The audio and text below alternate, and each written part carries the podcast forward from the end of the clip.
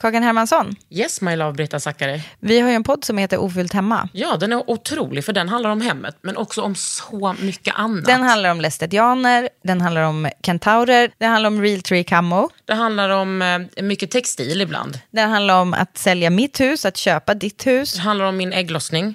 Alltid. Ja. Min också. Tack. Den heter Ofullt hemma och den finns där poddar finns. Hörs i podden, hej då!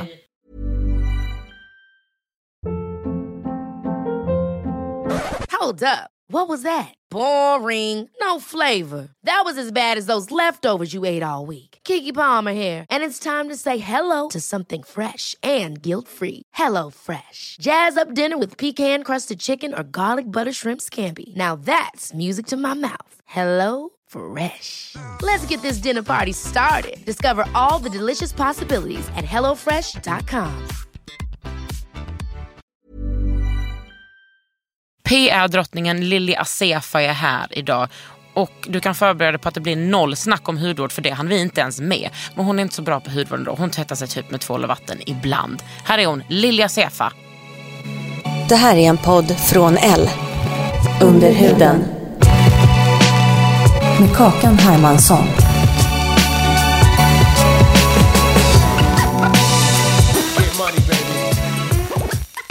Lili, Hej, kul. Alltså äntligen. äntligen är jag här. Mm, så kul. Lite närmare micken. Får jag komma närmare så? Hör du mig nu? Du är ju by far en av de mäktigaste kvinnorna jag känner. Jag gillar, jag gillar liksom. Ja, men också är du en sweetheart. Men jag, alltså du, vi har gott om tid. Jag vill ju liksom veta... Jag vill veta allt. Jag blir lite nervös när du tittar på mig och säger sådär, jag vill veta Pekar allt. också med hela handen. Ja, verkligen. Nej, men jag vill veta, hur kom du dit? Alltså hur, om du med dina egna ord, och jag kommer avbryta med frågor. Hur, hur kom du dit där du är idag? Du har liksom en egen PR-byrå. Ja, men så här, hur, hur man, man tänker ju inte så. Alltså, jag har alltid haft ett, eh, ett väldigt driv. Jag tror att jag har ett så här, vad, vad, en så här under, underdog-perspektiv. Ja. Så det har också varit en väldigt stark drivkraft för mig. Och har sprungit på väldigt många bollar.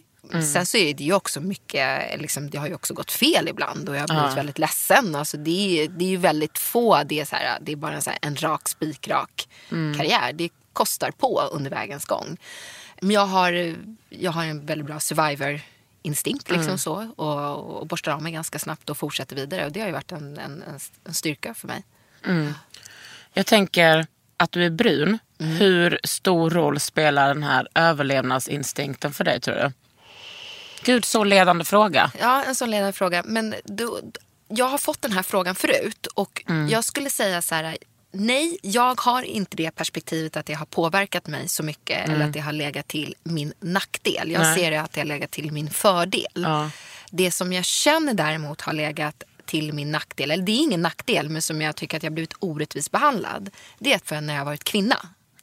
Det tycker jag har legat mig i fatet mer i vissa diskussioner, i vissa förhandlingar, när man har kommit upp på en viss nivå. Att man är så här, ja, kom in i det, men ändå blir lite, jag känner att jag inte möts med samma seriositet och samma respekt. Intressant. eh, i, i, liksom, i min karriär. Om man säger så. Och sen så ser ju du hur jag ser ut också. Så jag, menar, jag har på mig jeans, jag har på mig sneakers. Jag köper massa så här högklackade skor och kostymer som jag aldrig använder.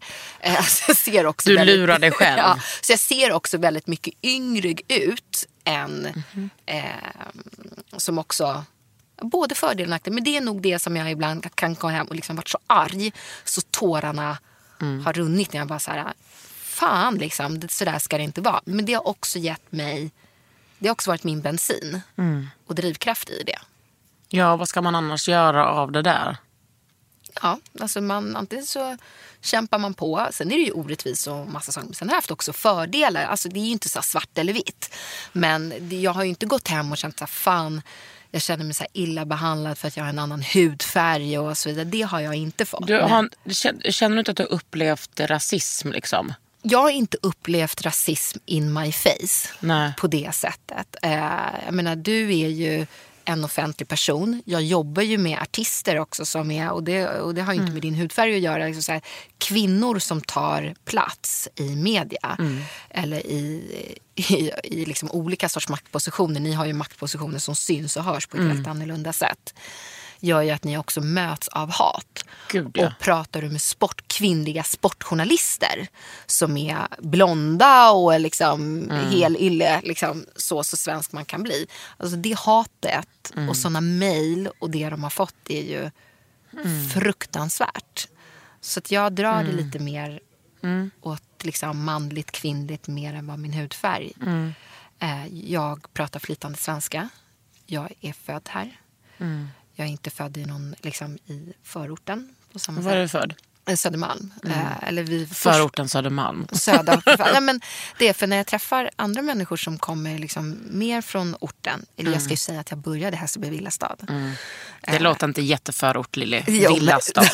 Det, nej, det låter Jo, inte. men Hässelby gård och Hässelby strand var liksom mer orten. Men då tror jag att eh, det påverkar en mer på arbetsmarknaden. Sen så gick jag, började jag jobba, alltså fan vi jobbar ju med media och musik och det är ju en väldigt tolerant bransch. Jag Men du är uppvuxen på Söder?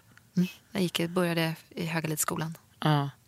Tror du att... Eh, när du någon dröm om att jobba i så musikbranschen redan? Alltså var det något som föddes där?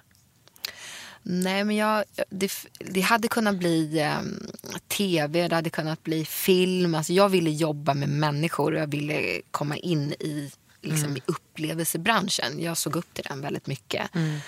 Eh, och jag är yngst av fyra syskon. Jag hade liksom, tre ganska häftiga syskon liksom, som bara jobbade liksom, på P.O. Company och, och så vidare. Så, här, så Vad är jag, det?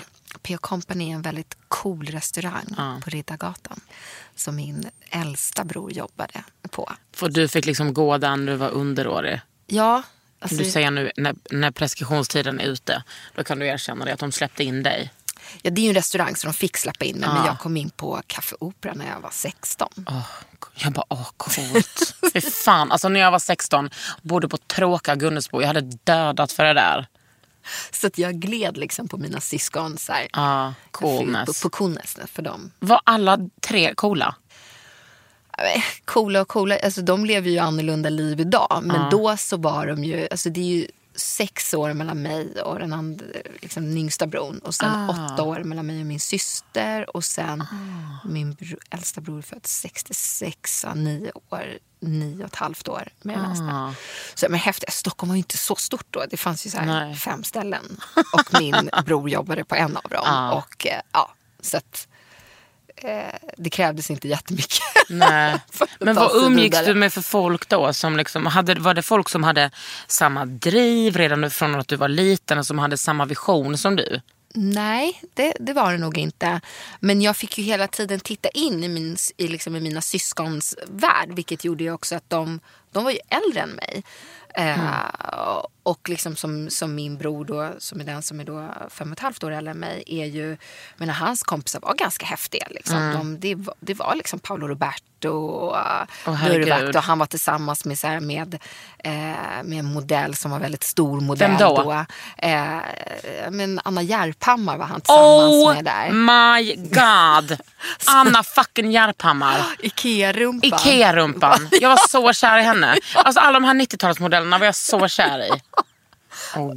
Gud. Och min bror var tillsammans med henne. Så, du liksom, så det var ju så här, jag, jag kommer ihåg att Anna tog med mig in på Alphabet Street som var då Dr. Albans ställe. Då var jag, alltså, då var jag 15 år. Åh gud. Din barndom, min dröm. Smugglade hon Ja. in mig. Jag fick dock inte dricka någonting. Aha. Men gud, Anna Järpa, synd att det inte höll. Känner jag så här i efterhand. Nej, min bror har världens finaste fru. De har Ja, varit just tillsammans i det. 26 år och har två barn. Jättebra att det inte höll menar jag. det är fantastiskt att Ja, det inte det är jättebra. Men shoutout till Anna Järphammar. Hon är mer än bara en rumpa, Lilly. Okej, och sen så vill jag också säga Paolo Roberto. Han kanske var tuff då, men är han så tuff nu? Men, men då var han ju liksom Ja. tuff och, eh, och han var ju också så här dörrvaktschef på Café Opera när Café Opera var the place. Detta är 90-tal va? Ja, det är 90-tal måste det ha varit. Ja. Det, det går lite fast i. Jag fick i alla fall inte komma in då kan jag säga. Paolo släppte inte in mig. Taskigt. Hoppas du har hämnats. Ja. Bara, nej du får inte komma på någonting jag gör Paolo. Sorry. Okej men gud vad härligt att få en sån. Du måste förstå var jag kommer från. Jag är liksom från en förort till Lund. Allting från liksom Anna Järphammar, hennes rumpa. Alltså allting eh, bortom Lund, bortom svettiga träningskläder för att man har spelat handboll åtta gånger i veckan. Alltså, allting var ju så jävla exotiskt. Ja, och, sen, och då läste du Veckorevyn och så Jag läste Veckorevyn. Jag, alltså, vimmelsidorna där och så vidare. Mm, jag hade koll på alla typ coola tjejer. Jag brydde mig ingenting om killarna, konstigt nog. Nej, men jag, var liksom, jag visste vem alla de här coola tjejerna var. Och det kan vara så fortfarande att jag liksom nu när jag är vuxen ser typ en av de här tjejerna och bara blir helt så starstruck och bara oh my god, Kajsa, Mellberg. Åh herregud, Mellgren heter hon. Mellgren ja. Oh my god. Nu pratar vi ZTV, nu var vi lite Ja. äldre. Då hade jag kommit in i musikbranschen. Ja. Okej, for- nog om mig. Nej, men det är så häftigt att säga så för just det där hur stort ZTV och hur stort, liksom när man var med. Jag kommer ihåg att det var någon jag kände typ var med på en sån här liten vimmelbil i Veckorevyn. Ja. Då hade alla sett det. Ja. Och då var det så här, såg du? Dens syrra var med på den här mingelbilden Och då var man i cool. Veckorevyn. Ja, och man tyckte liksom den personen som var bara syskon med den personen var cool. alltså, så, alltså, det var liksom inte Gud. ens den, för att vi var för små då eh, för det, liksom när vi gick högstadiet. Men liksom där. Att medans nu ser du 2000 bilder, det, det- alltså, jag vet inte ens vem som är på framsidan Nej. på, på skvallertidningarna idag nästan. Jo, det vet jag. Lögn. Men, men, Nej men också, man eh, skyr ju lite de bilderna nu. Man, alltså man slåss ju. Då hade jag ju avlidit om jag hade varit med på en bild i en sån tidning. Ja, alltså nu det, vill jag ju bara gömma mig. du har blivit så stor nu Kakan. Det blir I'm därför. too big for myself. Nej men du vet, nu, men nu är det ju liksom ut, urvattnat på ett Ja. annat sätt. Mm, det, blir, det har ju inte samma genomslagskraft. Nej, också för att alla är typ kända. Ja, alltså, vet, vi får ju folk som hör av sig till oss till showroomet. Eh, showroom är då där, man, där vi har massa kläder för våra märken som, eh, som tidningar och stylister och, och artister och kändisar och så vidare lånar. Och, Lånar obs. Ops, lånar. Och då kan det ju komma upp som är så här jättestora på sociala medier. Och det är lite pinsamt för det ska jag ha koll på ja, eftersom jag, jag vet inte vilka de är. Nej men alltså, och det är ändå lite ditt jobb faktiskt. Ja, jag vet. Så Men det går kan- så fort. Det går så fort. Och men då tycker jag att det är så bra för att vi anställer, eller jag anställer folk som eh, har olika kompetens. Och så här. Men det kan ju verkligen vara så här, jag bara, men gud, vem är det där? Och så här, men Lilly, skärp dig. Mm. Vet du inte vem det är? Men du har ju så många coola tjejer hos dig. De Ja, kan ju allt det där. Snygga, coola, edgy. Ja, de är Men jag var coola. på en, en, en influencerresa för typ en månad sedan. Ja. Och träffade jättemånga influencers som jag bara, vem är det? Vem Mm. Så går man bara, ah, men jag heter detta, detta, går man in. 400 000 följare. Mm, jag vet. Va? Jag vet. Eh, Eller liksom ah, när det kommer upp, eh, vi gjorde eh, invigningen för Gröna Lund. Mm.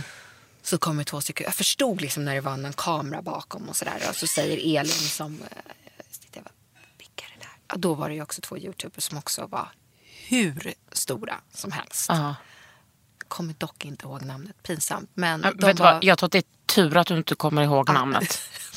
Det är, det är bra att du inte gör det, för vi vill inte outa någon. Men då tittade El, nej men de är ju skithäftiga och det var ju de som folk sprang fram till Ja. och tog autograf. Så det säger ju mer om dig och mig. Ja. Att vi inte Är unga. kan, och inte vet det. Nej men vadå, vi har väl vårt att hålla reda på? Exakt. Hur ska man kunna hålla... När man, det där kan man ju hålla reda på när man, in, när man liksom har 16 timmar om dagen och man kan ligga hemma och kolla på Youtube. Det har inte jag. Nej, och sen så kan man ju också då tänka precis som att vi har koll på vissa hiphopartister Ja. eller så vidare som inte ens är en tredjedel Nej. så stora som de här youtubesarna är. Så har det ju också med intresse att göra. Ja, och då tänker jag så här, men nu är vi så pass många så jag, man behöver inte ha koll på allting. Nej skönt. Men så att man kan säga att, liksom att från att du var ung och hängde på olika klubbar och inte hängde på olika klubbar för att eh, Paolo Roberto släppte in dig. Så vad, utvecklade du ditt arbete efter det? Och jag var väldigt skoltrött. Jag var inte en stjärna i skolan.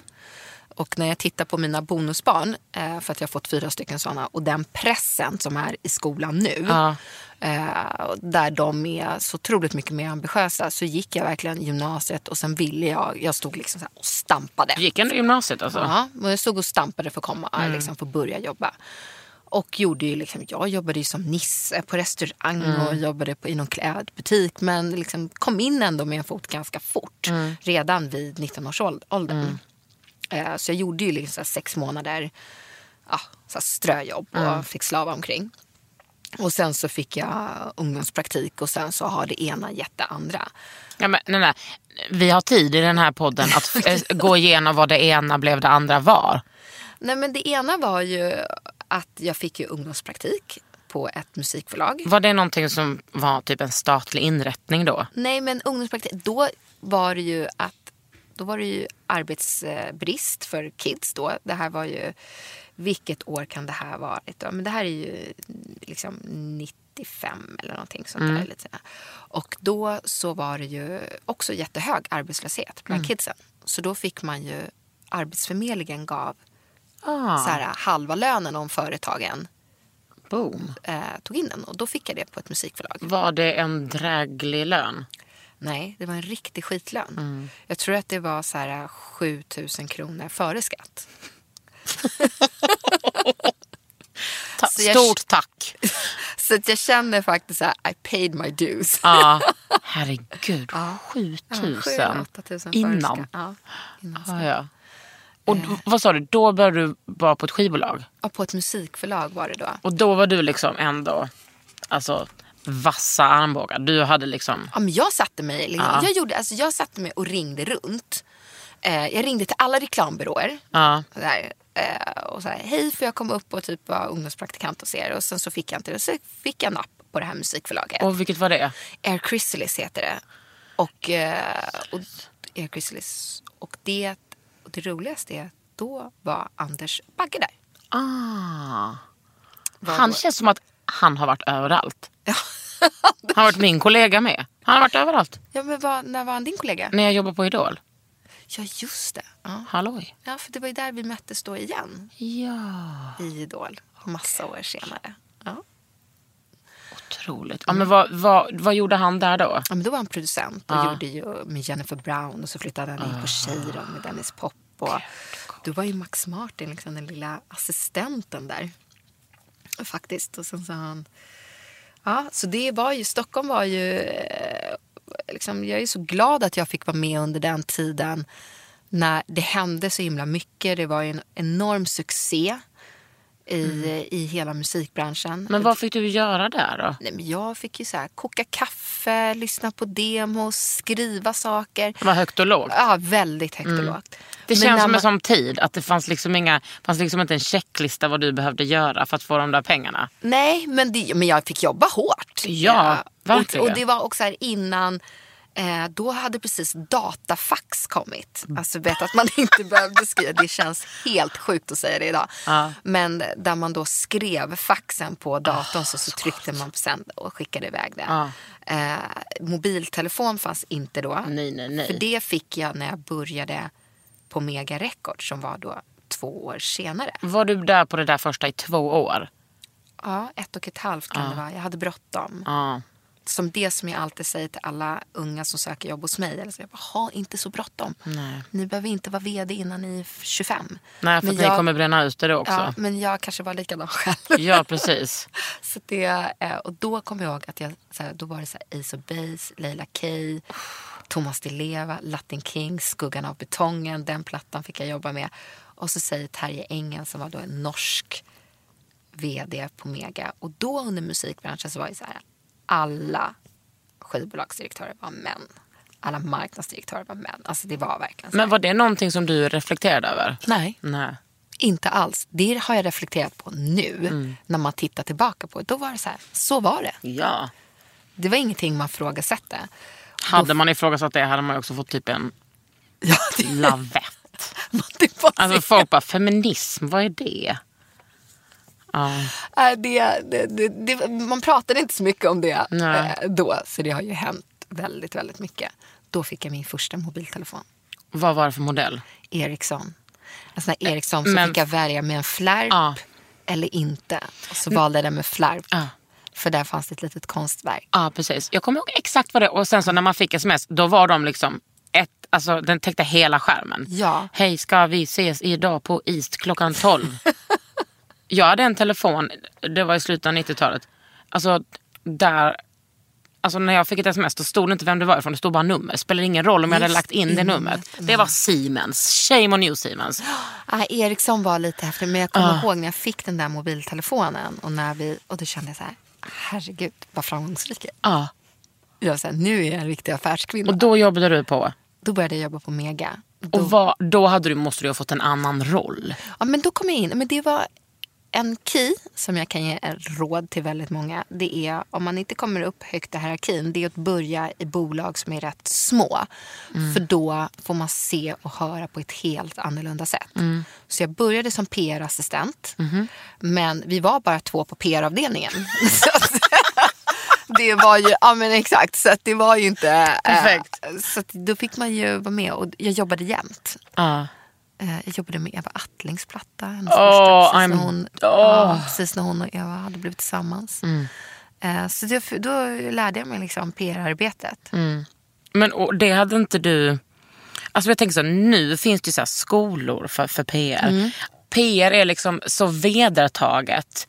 Ett ord som, eh, som typ så himla många förstår. Alltså för tio år sedan hade jag ingen... Eller för tre år sedan visste inte jag vad skillnad på PR-byrå och reklambyrå. Nej, och det visste väl knappt vi heller. Nej. Vi fick ju liksom att vi jobbade ju mot media och inte köpt media. Så det fick man. Men Ah. då var ju också våran roll var ju självklart att boka intervjuer och så tog Mm. det att de syntes. Men man var ju också gatekeeper för artisten och liksom hålla dem i handen.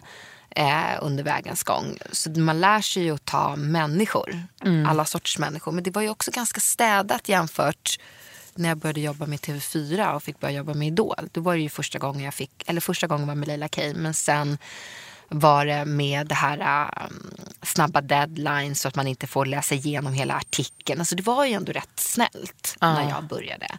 Det fanns liksom en understanding mellan Vad hade du för roll på TV4? Då var jag, klev jag in som pressansvarig eller som Ja. för Idol. Men du har inte gått någon sån utbildning? Nej. Bara livets hårda, hårda, hårda skola? Ja. Hårda skolan i Stockholm. Ja. The cool school. The cool school.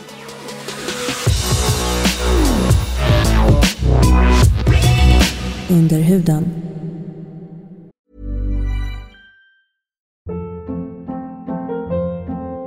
Hold up. What was that? Boring. No flavor. That was as bad as those leftovers you ate all week. Kiki Palmer here, and it's time to say hello to something fresh and guilt-free. Hello Fresh. Jazz up dinner with pecan-crusted chicken or garlic butter shrimp scampi. Now that's music to my mouth. Hello Fresh. Let's get this dinner party started. Discover all the delicious possibilities at hellofresh.com.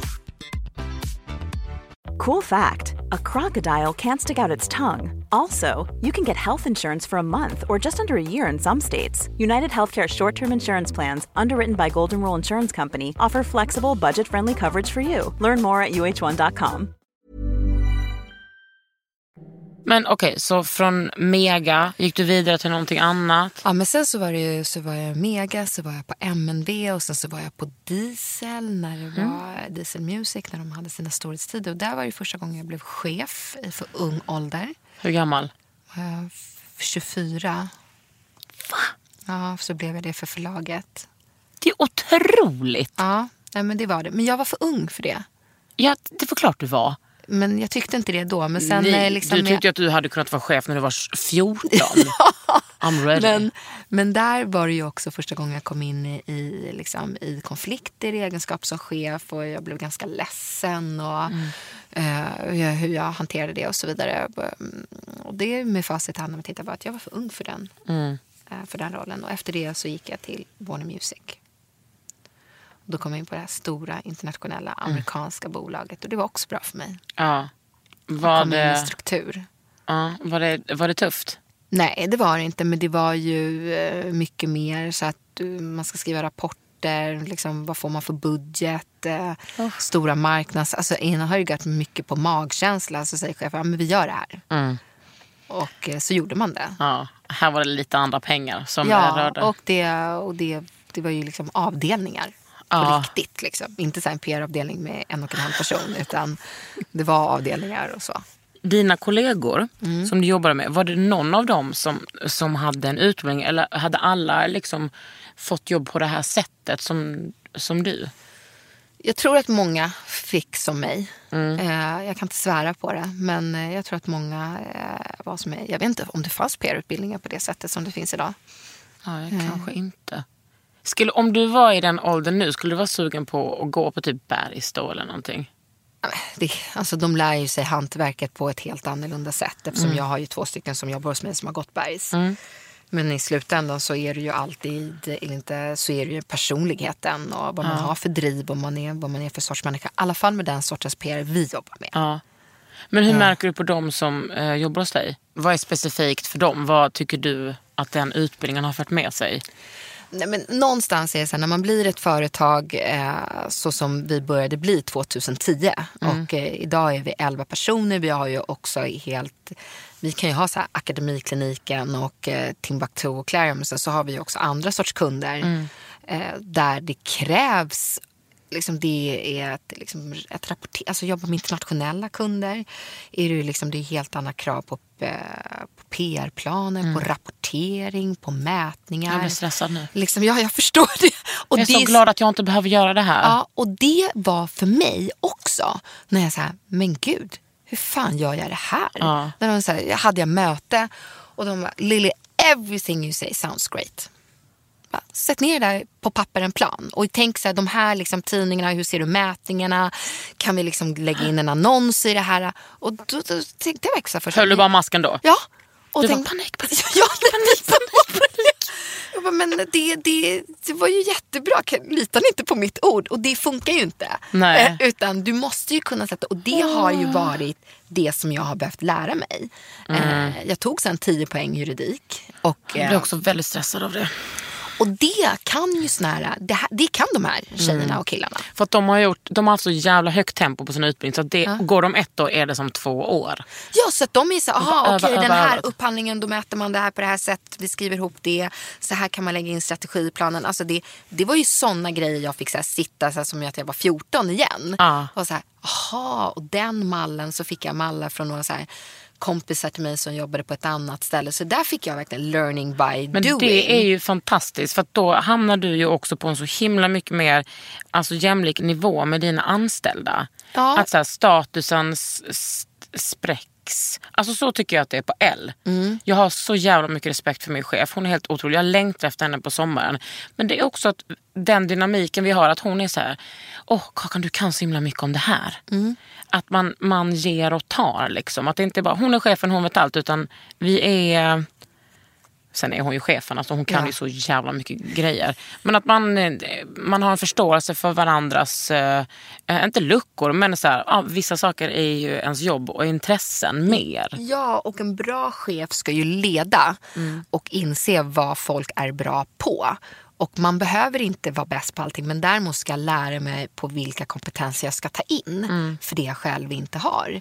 Sen så är det liksom som vd idag och som ägare, jag är också delägare i ett klädesbolag som heter Wired. Och, och det var ju också en resa liksom, att kliva in i ett sånt bolag och sätta mig i styrelsen och förstå siffror på ett helt annorlunda sätt. Där jag också har tagit hjälp. Jag hade två styrelseplatser till exempel där jag hade en som bara är jurist Ja.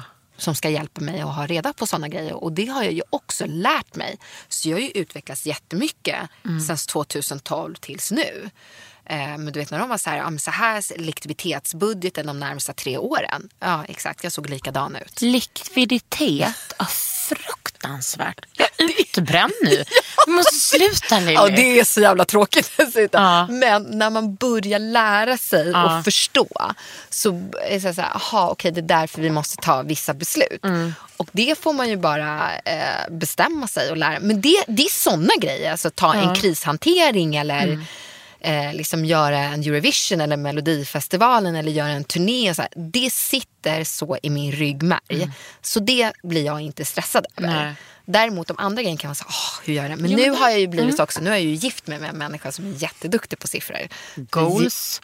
Det gäller att komplettera. Och som är snygg. Han är Glöm väldigt- inte det. Ja, han är väldigt Men snygg. jag, jag känner igen mig väldigt mycket i dig. Alltså att bara, man bara slänger sig över och exponerar sig för nya upplevelser. Mm. Att man bara, ja det här får väl jag lösa har jag tänkt. Jag tycker inte att det är jobbigt att stå på scen eh, live inför liksom eh, en och en halv miljon människor. Mm. Men jag får grova svettningar när jag ska träffa min revisor och be om ursäkt för att jag inte har svarat på 18 000 mejl.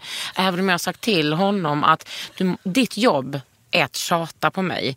Du vet, jag, alltså, du vet, jag gjort så här, Kaka, nu måste du, eh, du måste liksom fylla i det här till bolagsstyrelsen. Annars får du böta 5 000. Glömmer. Nu måste annars får du böta 10 000. Glömmer. Alltså, Ja men så var ju jag för åtta år sedan. Men eh, så är jag faktiskt inte nu. Nej, utan nu det är finns det, hopp för mig. Ja det finns hopp för dig. Sen, så är det, sen är det ju annorlunda för du är ju själv i ditt bolag. Mm. Och jag kommer första gången jag skulle betala ut lön till min första anställda. Stackars, stackars dig, jag ber om ursäkt. Och kommer på det tre dagar innan. Jag bara herregud hon ska ha lön. Ah. Och liksom ringer in så här, men, och de bara men hallå hennes liksom personnummer, Åh, bankkontonummer, nej, så vad hon har i lön. Och jag bara ah, förlåt, Plus förlåt, bara, du förlåt. vet att det ska in sociala kostnader. Ja, alla sådana Ah. grejer. Men sen så lärde jag mig också att i början så har man ju också så lite pengar. Mm. Så då gör man hellre vissa saker själv. Och så gör man inte det något bra. Och det är stressigt. Ja, det ska jag säga, det har jag aldrig gjort. För att jag har varit så här, hur lite pengar jag än har, alla pengar ska gå till någon som kan göra det rätt. Ja, och det är ju det som säger. Så nu, eller liksom sen fem år tillbaka eller mer, så nu är, det ju, nu är vi ju ett riktigt företag. Det är en ekonomiavdelning, alla fakturer går in digitalt, jag godkänner. Våra liksom anställningsavtal är liksom godkända av jurister så att det är arbetsrättsligt. Och så. Det, det, man måste ju ta tag, och det är ju liksom i min roll så kan jag vara, nu har vi gjort ganska många resor med så våra skönhetskunder och artister och allting. Jag har åkt på en. Det är ju den andra delen, liksom, jag får inte göra lika mycket Nej. de roliga sakerna Innan på var samma du sätt. deltagande överallt. Ja, överallt. Så här, jag var så här, dit, jag ska till New York eller jag ska dit. Ja. Nu får ju andra göra det, men det är ju också en del av att, att växa upp. Ja, men du har ju också barn. Ja. Mm. Det väl, handlar väl om det också, att man inte kan vara borta liksom. Och, men att du var med din snygga kille väldigt mycket. Det Mm. kan jag också tänka mig att det handlar om. Men när startade du din PR-byrå? Ja, men jag startade 2005. Men det var inte, då var det ju jag som frilansare. Även om jag fick väldigt mycket uppmärksamhet genom att jag jobbade med tv-produktioner.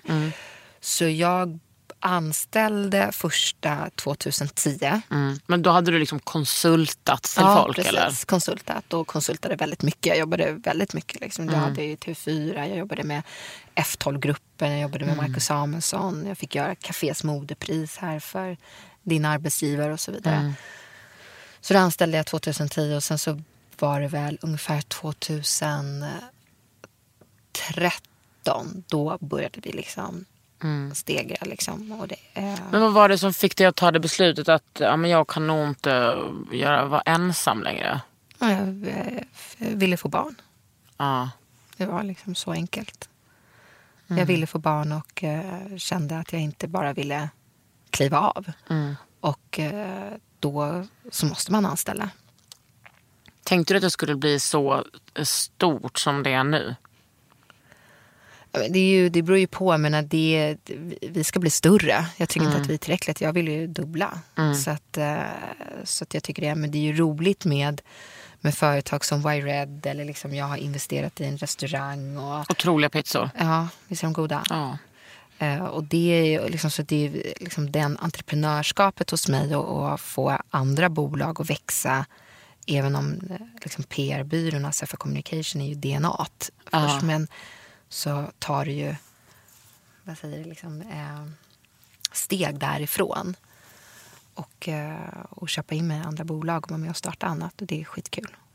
Det, alltså det känner jag att jag är så himla långt ifrån. Jag känner att jag skulle behöva ha lite så överklassstake i mig. Att, att, att det finns en, en, eh, en självklarhet att om man har pengar så ska de bli större. Jag kommer ju absolut inte från en sån, för jag kommer från en familj där det, vi aldrig har haft pengar. Så nu när jag har lite pengar, då tänker jag bara, vad ska jag göra med dem? Men så är jag också. Ja. Och jag har heller aldrig haft pengar i familjen. Nej.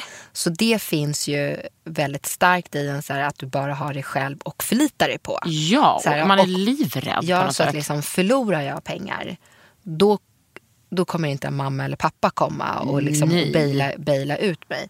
Men det är ju olika steg man tar. Mm. Alltså att, att köpa in mig i Y-Red var ju ett jättestort steg för Mm. mig. Men så funkar. Så går jag och tänker och tänker och tänker och kalkylerar och minimerar risker och ja, håller på och fixar och donar och så långt jag kan. Och så, så tar jag bara beslutet. Mm. Och då för mig, då tänker, tittar inte jag tillbaka på det. Nej. Då går jag bara framåt. Men det är alltid tills jag tar beslutet. Som Läskigt det, alltså. Ja, det är läskigt. När det handlar om så mycket pengar. Men man blir modigare och modigare. Ja. Sen får man Okej. inte bli... För killar är, det är ju någonting. Killar är modigare än vad vi är. Ja, för att de har ju också inte alls samma relation till ansvar som sitter i vår ryggmärg. För att vi är uppfostrade att ta så jävla mycket ansvar hela tiden. Jag har inte tänkt på det på det Nej, sättet. plant, men den, det, ja. planterar jag den genustanken hos dig Lili. Ja. Okej, men om du tänker på mig som, jag gillar ju inte att tänka på mig själv som varumärke. Men Mm. ibland pratar ju folk om mig som varumärke. Hur ska jag vårda det? Den frågan får jag ju från eh, många. Och nu är ju du ett varumärke. Men det kan ju också komma folk som inte är ett varumärke än, men gärna vill vara det. Åh nej. Eh, och så, så här, kan du hjälpa mig med det här? Det var också en, många sådana frågor jag fick när jag föreläste på Bergs. Eh, det personliga varumärke. Ja. Och då räckte jag så här, ty, vad är ett personligt varumärke Ja. för er? Liksom? Så, för idag är ju alla ett personligt Ja, varumärke. och jag har ju aldrig tänkt på mitt. Helt plötsligt så har man ett personligt varumärke och jag har inte ens slipat på det. Men du har ju en plattform och det är det Precis. som gör det. Att du kan nå ut till människor. Okej, det är nummer ett. Ja, men- Plattform. Ja, men du har en plattform. Du finns här på L, du har din podd, du har Min blogg. din blogg och dina sociala medier. Du syns Mm. liksom i tv som har över en miljon tittare och så vidare. Och då kan du ju fråga sig, okej, vad, vad vill du göra mer? Och då eh, måste, tycker jag, ska säga, tycker jag att det ändå måste vara med trovärdighet. Alltså, eh, liksom, lågt hängande frukt eh, för dig tänker jag ju direkt liksom, någonting inom en skönhet. För det är ju någonting du brinner för, du pratar om det. Eh, det känns som att du älskar det på riktigt. och inte bara man hittar på liksom så, Nej. i, det. Och då kan man ju börja därifrån till exempel. Mhm. Ja, du får fortsätta. Ja, men vill du göra, vill du göra din egen hudvårdsserie? Vill du ta fram dina egna läppstift? Eh, vill du, eh, jag tycker kanske inte att du ska göra en egen klädkollektion. Eh, vill du starta ett, vill du ta över, liksom öppna ett hotell med ett bed and breakfast som ska Nej. stå för vissa saker? Nej, till exempel. Det vill du inte. Nej. Det är min dröm att öppna upp ett hotell. Ja, just det. Ja. Ja, ja. Men okej, så här ska jag säga. Det är väl det som kanske är lite av mitt problem. Jag vill inte ha en ny hudvårdslinje för att det finns jättemånga bra redan. Jag vill inte göra ett till läppstift för det finns jättemånga läppstift. Jag vill... Men eh, finns det, ser du inte att det finns något hål på marknaden då som min, där du känner så här, men det här borde det finnas? Det finns inte. Jag vet att Ska jag säga vad jag, vad jag känner? Ja. Det I så fall skulle det vara en klädkollektion. En plus size klädkollektion. Där finns det ett, ett, ett stort hål. Ja, men det ser.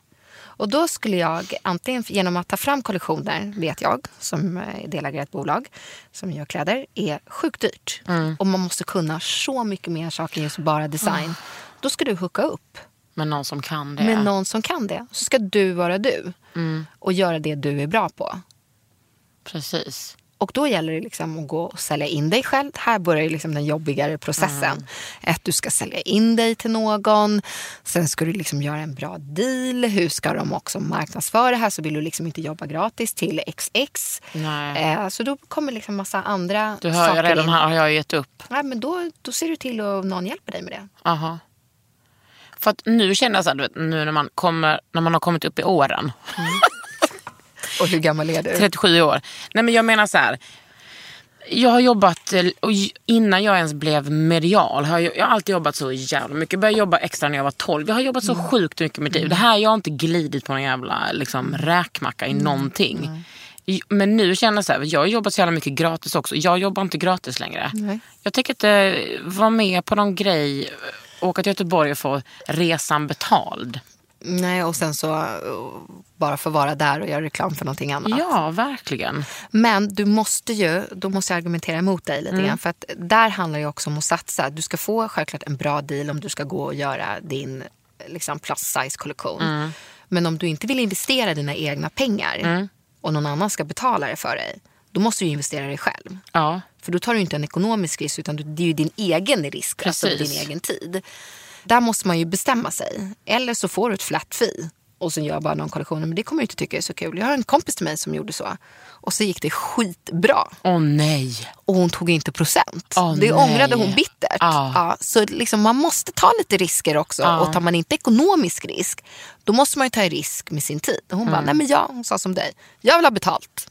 Om ni ska använda mitt varumärke vill jag ha betalt. Så fick hon ganska mycket betalt. Men det blev en sån succé. Och då, Oj, var oj, hon, oj. då var hon skitsur för det. Jag är så utbränd nu av, av mina framtidsplaner. Jag vet liksom inte vad man ska göra. Vissa saker måste man bara göra. Ja. Det, det går så bra för dig ändå. Ja det, går ju, ja, det är ju det som är så... Men det är det som jag tycker är lite störigt också. Att jag ser på så här... En person som jag alltid tycker är så här... Eh, som gör utvecklande saker är ju Per Lernström. Han har alltid liksom någonting på gång. Och då tänker jag så här... Ja, jag har ju också alltid någonting på gång. Men varför har inte jag gjort det här eller det här eller det här? Fast det stämmer inte. För jag vet Nej. att när andra människor kollar på mig så har jag ju jättemycket på gång hela tiden. Du gör din podd, eh, precis som jag pratade, du bloggar, du gör ju uppdrag också vid sidan om. Eh, Du har gjort tv-program. Så jag, menar, så Mm. Jag är konstnär Du är också. konstnär, det visste jag inte ens om att du var. Eh, Då, Men Snälla Lili, jag har gått fem år på Konstfack. I did not know. Jag är också adjunkt på Konstfack. Jag är lärare där. Är du lärare på Konstfack? Ja, på konsthantverkslinjen. Hur ofta då? 10 procent. Ja, och då kan man, du, du, folk som hör den här podden. Spela på de strängarna. Ja. så, vi kan, det, så det du sa om Per Lernström. Ja. Folk som lyssnar på det här. Ja, de blir provocerade. Förlåt, det var inte det jag menade att ni skulle bli. Men jag menar De känner bara... nog att du har rätt mycket på gång. Ja, men det är för att jag har så många strängar. Han kanske spelar på sin sträng. Ja, så kan Men det jag vara. är alltid ute efter bara, jag vill ha ett nytt kul projekt. Alltså så där känner jag liksom. Ja, men så är jag också. Det är också en drivkraft, tycker Ja. jag. Samtidigt som man måste lära sig att fokusera. För det säger jag alltid till dem jag representerar. Så kan jag bara, hej, vi ska göra, jag ska göra det här projektet, jag ska göra det här. Men snälla, avsluta det gamla du har gjort. Och tycker du att du är bra på det här, eller vill du bara prova? Så här, liksom, ta in lite mer, fokusera, göra lite en analys på eh, framtiden och hur mycket tid det ska ta. Men det är skönt att då är du där, PR-mami och liksom lägger handen på och säger ta ett chillpill. Ja, och, och, liksom så här, ja, och sen så är en del så här, men jag måste få testa det här. Ja. då måste du väl göra det, men då har vi i alla fall pratat om det. Men lyssnar dina personer på dig? Ibland, ibland fullständigt skiter de i vad jag säger. Men de uppskattar väldigt mycket när jag säger det. Och sen så har jag också lärt mig de senaste åren också börja räkna på det. Okej, det här är det, även om det går skitbra så kommer du tjäna så här mycket. Tycker du att det är värt det? Och det tycker jag är, fan är, så här, är viktigt, speciellt för oss kvinnor. Att man har koll på sin ekonomi. Liksom. Ja. Men jag har alltid varit duktig på pengar. och Så. Vad betyder Även- det? Alltså att du har varit duktig på att spara? Eller Ja, jag har aldrig levt över mina tillgångar. Jag tänkte mig nu när jag rensade ut um, så gamla jag en dagbok så här, från 88. Alltså det, du vet, det är språket. Gud. Man får sån ångest. Säg vad det stod. Ja, men det var så, och man skriver allting så utförligt. Så här, Ja, ja, ja, Hej, ja. idag kom jag hem. Mamma gav mig en kopp te. Ja. Då blev jag sur på henne. Punkt. Också bara alltid sur på sin mamma Ja. på någon helt outgrundlig anledning. Så så här, jag tror att jag blev tillsammans med Thomas idag. Jag var osäker så min kompis Åsa ringde och frågade och vi var det. Tjoho, en bra dag. Men alltså, detta, Lycke, en av mina bästa kompisar, hittade sin dagbok. Och du vet, det var så, det var så dramatiskt när vi var 13 år. Dramatiskt och fruktansvärt. Jag kan inte fatta att David är tillsammans med den och den tjejen från det stället. Kan mitt liv bli värre? Ja. Och så, Alltså David var inte ens en person som hon var ihop med. Utan det var vår kompis. Alltså du vet, allting var liksom, alltså så stora känslor. Kan mitt liv bli värre? Knappast. ja, alltså jag Och sen bara, glad påsk, jag älskar er. Ja, och, och så här, bra dag och kallare. Alltså, du vet, man sitter och läser den här dagboken för sig själv och man blir generad inför sig själv. Mm. Ja. För sina egna tankar. Man så här, det här, det här hände Fy inte. fan. Men då hittade jag så här, ett kontoutdrag. Så hade, då hade jag så här, 12 000 kronor på banken. Och då kom jag ihåg att jag kände så här, vad jag är rik. Ja, Eh, att jag hade de här eh, 12 000 Du har kronorna. sparat. Mm. Att jag hade sparat ihop de här pengarna. Och så att jag, då kom jag på att men jag har alltid varit duktig på liksom, så här, Mm. att eh, okej men då åt, då åt jag så här nudlar. Och, och vad skulle du göra med de där 12 000? ja, men det var ju det jag levde på. Alltså, Det hade jag ändå lagt undan på min lön. Som Mm. då kanske var 12 000 i månaden då. Före skatt. Så, det- så jag har aldrig liksom levt över mina tillgångar. Nej. Hur har det ändrats för dig att du har liksom börjat tjäna pengar? Nej, Jag unnar mig mer saker. Ja. Punkt egentligen. Slapp, slappnar du av liksom? Du är liksom, behöver inte vara orolig för att du inte ska ha... Alltså det är en sån himla stor skillnad för mig.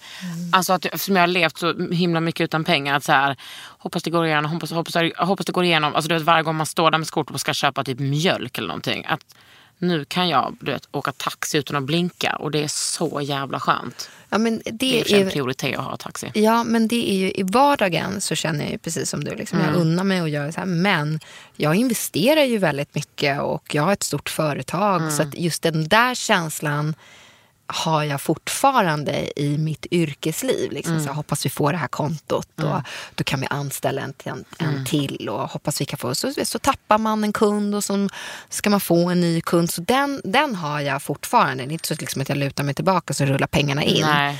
Däremot så, så det är ju en, en, en drivkraft och någonting som vi jobbar på hela tiden med eh, liksom, och hur, hur vi ökar och så.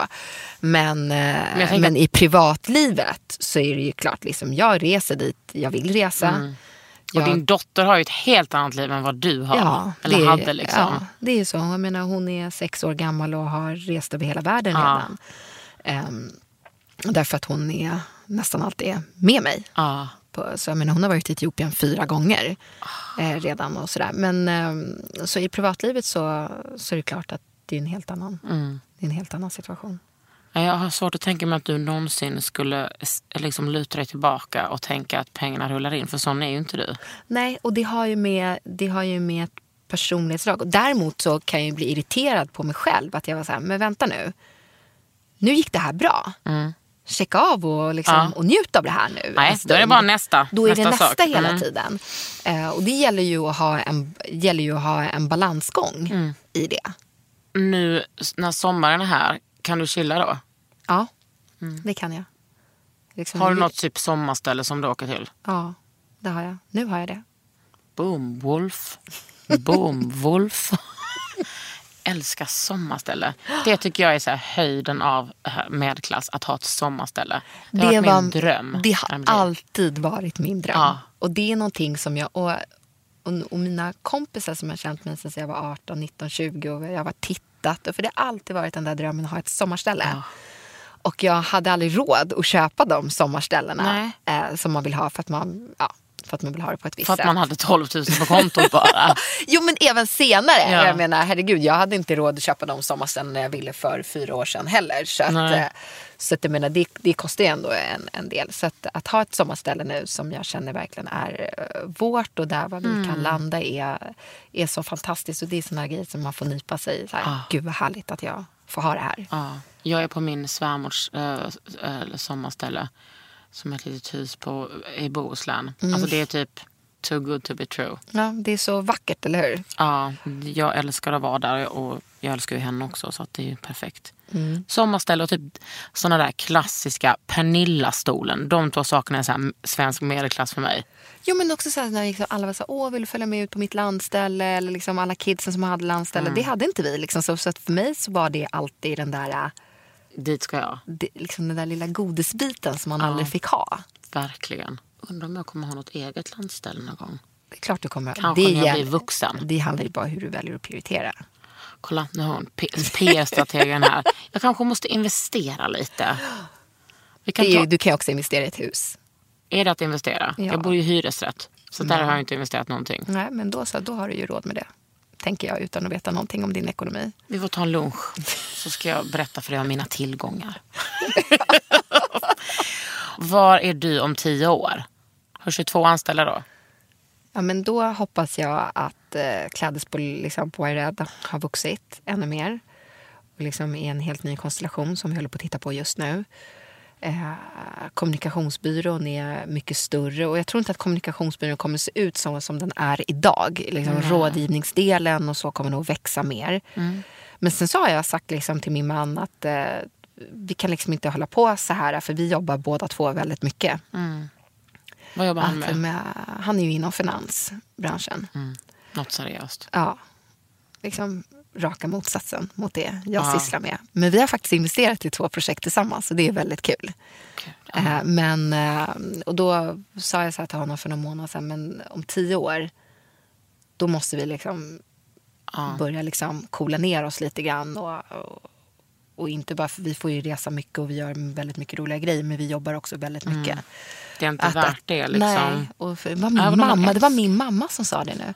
Min mamma som bor i Etiopien och är hemma här eh, också. Så sa hon så här, hon bara, men Lili, snart måste du ju liksom, du måste börja göra annat också du och Micke.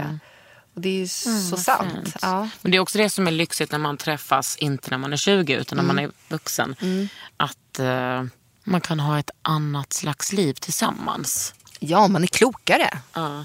Man är, liksom, man är inte likadan som man var för Thank God för det, liksom, att man har kommit, eh, gud, man har ja. kommit vidare. Men man lär sig också så här, ens sidor som inte är så himla bra i en relation. Att inte gud ja.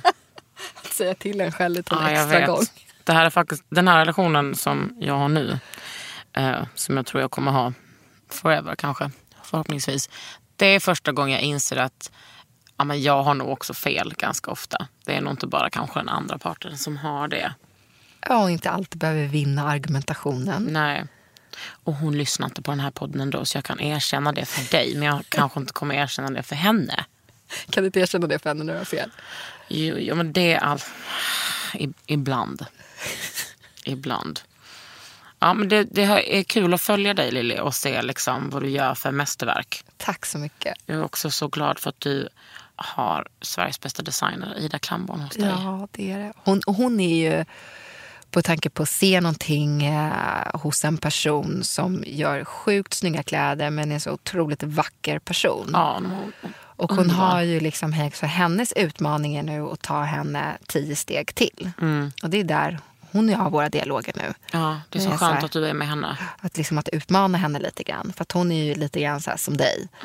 Nej, men jag vill inte att någon annan ska bestämma över mig. Nej. Eller över Men det är ju för att vi är konstnärer. Vi Jag vill är göra precis det jag vill. Ja. Ja, men vet du en sak? Om vi ska göra Ida Klamborn liksom, stort, SS21. ja, då måste du kanske våga släppa in andra människor. Det är bra. Så att, Säger eh, det gäller någon annan. Det är jättebra. ja, Hon förstår det. Det är Ja. bara liksom, sakta men säkert ta henne dit. ja, det är jättefint tycker jag. Jag ser så mycket, alltså att jag har ju följt henne från att hon började i princip. Jag är hennes största fan alltså. Ja, hon är så fin för att jag, hon har klätt mig två gånger på till Polarpriset. Ja.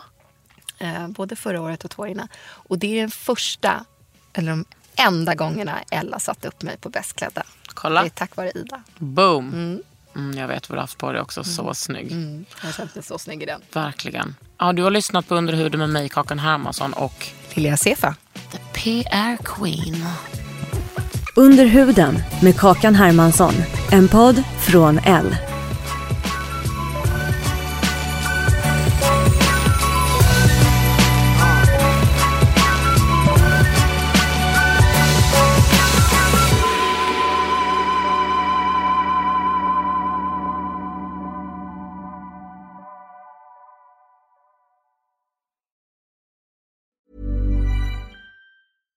Hey, it's Paige DeSorbo from Giggly Squad. High quality fashion without the price tag. Say hello to Quince.